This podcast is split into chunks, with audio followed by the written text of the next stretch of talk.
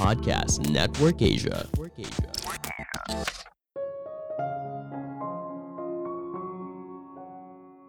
Kita adalah cerminan dari apa yang biasanya kita lakukan.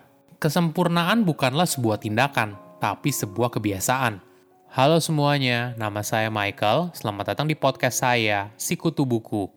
Kali ini saya akan bahas buku No Excuses karya Brian Tracy. Sebelum kita mulai, buat kalian yang mau support podcast ini agar terus berkarya, caranya gampang banget. Kalian cukup klik follow. Dukungan kalian membantu banget supaya kita bisa rutin posting dan bersama-sama belajar di podcast ini. Buku ini membahas jika kamu ingin sukses, maka kamu harus berhenti buat alasan dan mulai mengambil tindakan. Jika kamu ingin kaya, maka kamu harus bekerja. Jika kamu ingin hubungan percintaan yang bahagia, maka lakukan segala cara untuk mencapainya. Kebanyakan orang hanya bilang iya, suatu saat saya akan melakukannya. Tapi kenyataannya, mereka tidak pernah melakukan hal tersebut. Orang yang kalah selalu membuat alasan, sedangkan pemenang membuat kemajuan. Langkah pertama untuk sukses adalah berhenti membuat alasan. Saya merangkumnya menjadi tiga hal penting dari buku ini. Pertama, kenapa harus disiplin? Menurut Aristoteles, tujuan besar yang diinginkan oleh manusia adalah untuk bahagia. Namun sayangnya, mereka tidak bisa mendapatkan hal ini karena kurang disiplin. Penulis banyak membahas kalau 80% orang terjebak dalam Someday Island, sebuah pulau yang isinya orang yang suka berkata, suatu saat saya akan melakukannya. Mereka juga beralasan kalau mereka tidak punya uang, tingkat pendidikan yang rendah, bosnya tidak menghargai hasil kerja, dan sebagainya. Hal inilah yang menahan mereka untuk mencapai hal besar dalam hidup. Apa yang membuat seseorang bisa lebih sukses daripada orang lain? Ada tiga hal, yaitu disiplin diri, menahan diri untuk tidak membuat alasan, dan terus mendorong dirinya untuk lebih baik. Disiplin diri adalah kemampuan untuk melakukan apa yang harus kamu lakukan. Kapan kamu harus melakukannya, tidak peduli apakah kamu mau atau tidak. Disiplin diri merupakan kunci pencapaian pribadi ini adalah kualitas yang membuka semua pintu peluang dan membuat segala sesuatu menjadi mungkin. Tanpa disiplin diri, seseorang dengan segala potensi besarnya tidak akan bisa naik dari kondisi rata-rata dan tidak akan bisa mencapai hal besar dalam hidup.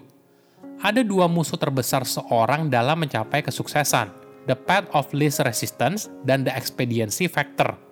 Pertama, the path of least resistance, artinya mengambil jalan yang lebih mudah hampir di setiap situasi mereka mencari jalan pintas untuk segalanya. Mereka suka mencari skema cepat kaya dan mendapatkan uang dengan mudah. Seiring waktu, mereka mengembangkan kebiasaan untuk selalu mencari cara yang lebih mudah dan cepat untuk mendapatkan hal-hal yang mereka inginkan daripada melakukan apa yang sulit tetapi perlu untuk mencapai kesuksesan yang sesungguhnya. Kedua adalah expediency factor. Ini adalah perpanjangan dari tantangan awal di mana seorang mencari jalan pintas. Namun kali ini, mereka melakukan hal tersebut tanpa memperhatikan konsekuensi jangka panjang atas perilakunya. Yang paling penting, jalan yang diambil itu mudah dan menyenangkan. Setiap harinya ada pertarungan di dalam diri setiap orang, antara melakukan hal yang benar, sulit tapi harus dilakukan, atau memilih jalan kedua, hal yang mudah, menyenangkan tapi tidak bermakna.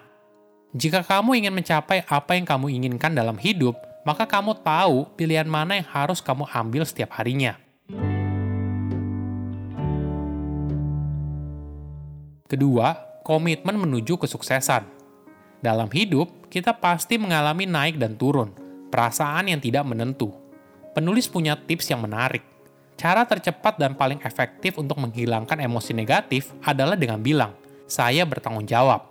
Setiap kali terjadi sesuatu yang memicu kemarahan atau reaksi negatif dalam bentuk apa pun, segera netralkan perasaan negatif tersebut dengan bilang, "Saya bertanggung jawab."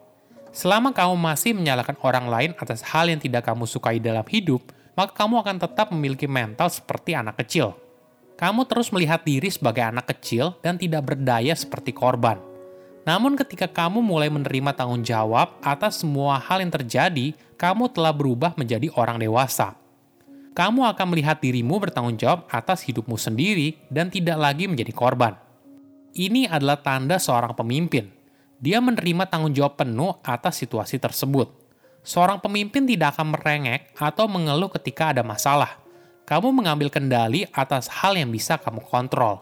Sama halnya ketika kamu tidak marah karena cuaca yang berubah. Kamu juga tidak marah karena keadaan dan situasi yang tidak dapat kamu kendalikan. Ada perspektif yang menarik. Penulis menjelaskan tiga syarat untuk sukses. Pertama, putuskan dengan tepat apa yang kamu inginkan dalam hidup. Kedua, tentukan harga yang harus kamu bayar untuk mencapai apa yang kamu inginkan. Dan ketiga, ini yang paling penting, berkomitmen untuk membayar harga tersebut. Mencapai kesuksesan ibaratnya seperti mencapai kebugaran jasmani. Seperti halnya kamu mandi, gosok gigi, dan makan, ini adalah aktivitas yang perlu kamu lakukan terus-menerus setiap hari. Begitu kamu mulai, kamu tidak pernah berhenti sampai hidup dan karir kamu berakhir, hingga kamu mencapai semua kesuksesan yang kamu inginkan. Latihan disiplin diri akan membantu untuk mengubah karakter kamu menjadi orang yang lebih kuat dan lebih baik. Perlu kamu sadari, untuk menjadi seorang yang belum pernah kamu miliki sebelumnya, maka kamu harus melakukan sesuatu yang belum pernah kamu lakukan sebelumnya.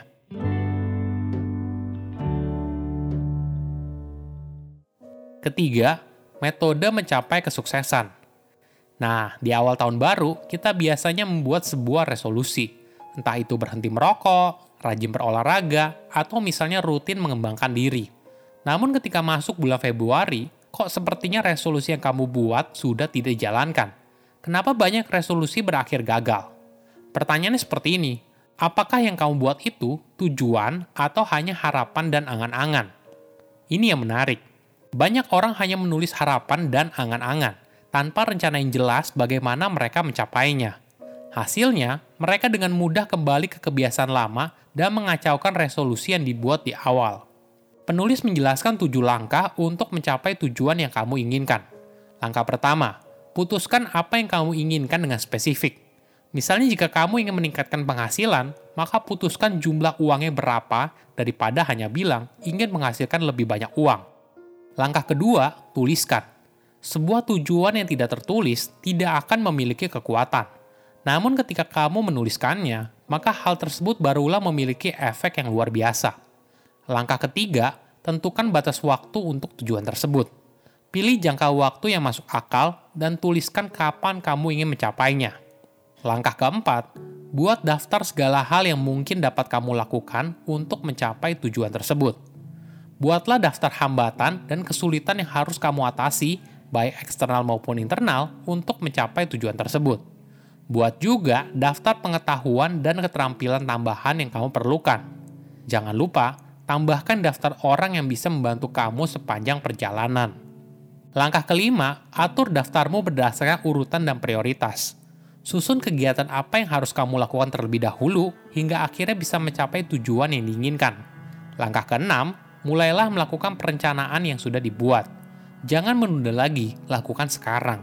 Langkah ketujuh, setiap hari lakukan segala hal yang bisa mendekatkan kamu pada tujuan besar yang kamu inginkan. Kebiasaan buruk sangat mudah dibentuk, tetapi hidup akan menjadi sulit. Sedangkan kebiasaan baik sulit dibentuk, tapi membuat hidup mudah dijalani. Saya undur diri, jangan lupa follow podcast Sikutu Buku. Bye-bye. Pandangan dan opini yang disampaikan oleh kreator podcast, host, dan tamu tidak mencerminkan kebijakan resmi dan bagian dari podcast Network Asia. Setiap konten yang disampaikan mereka di dalam podcast adalah opini mereka sendiri dan tidak bermaksud untuk merugikan agama, grup etnik, perkumpulan, organisasi, perusahaan, perorangan, atau siapa pun dan apa pun.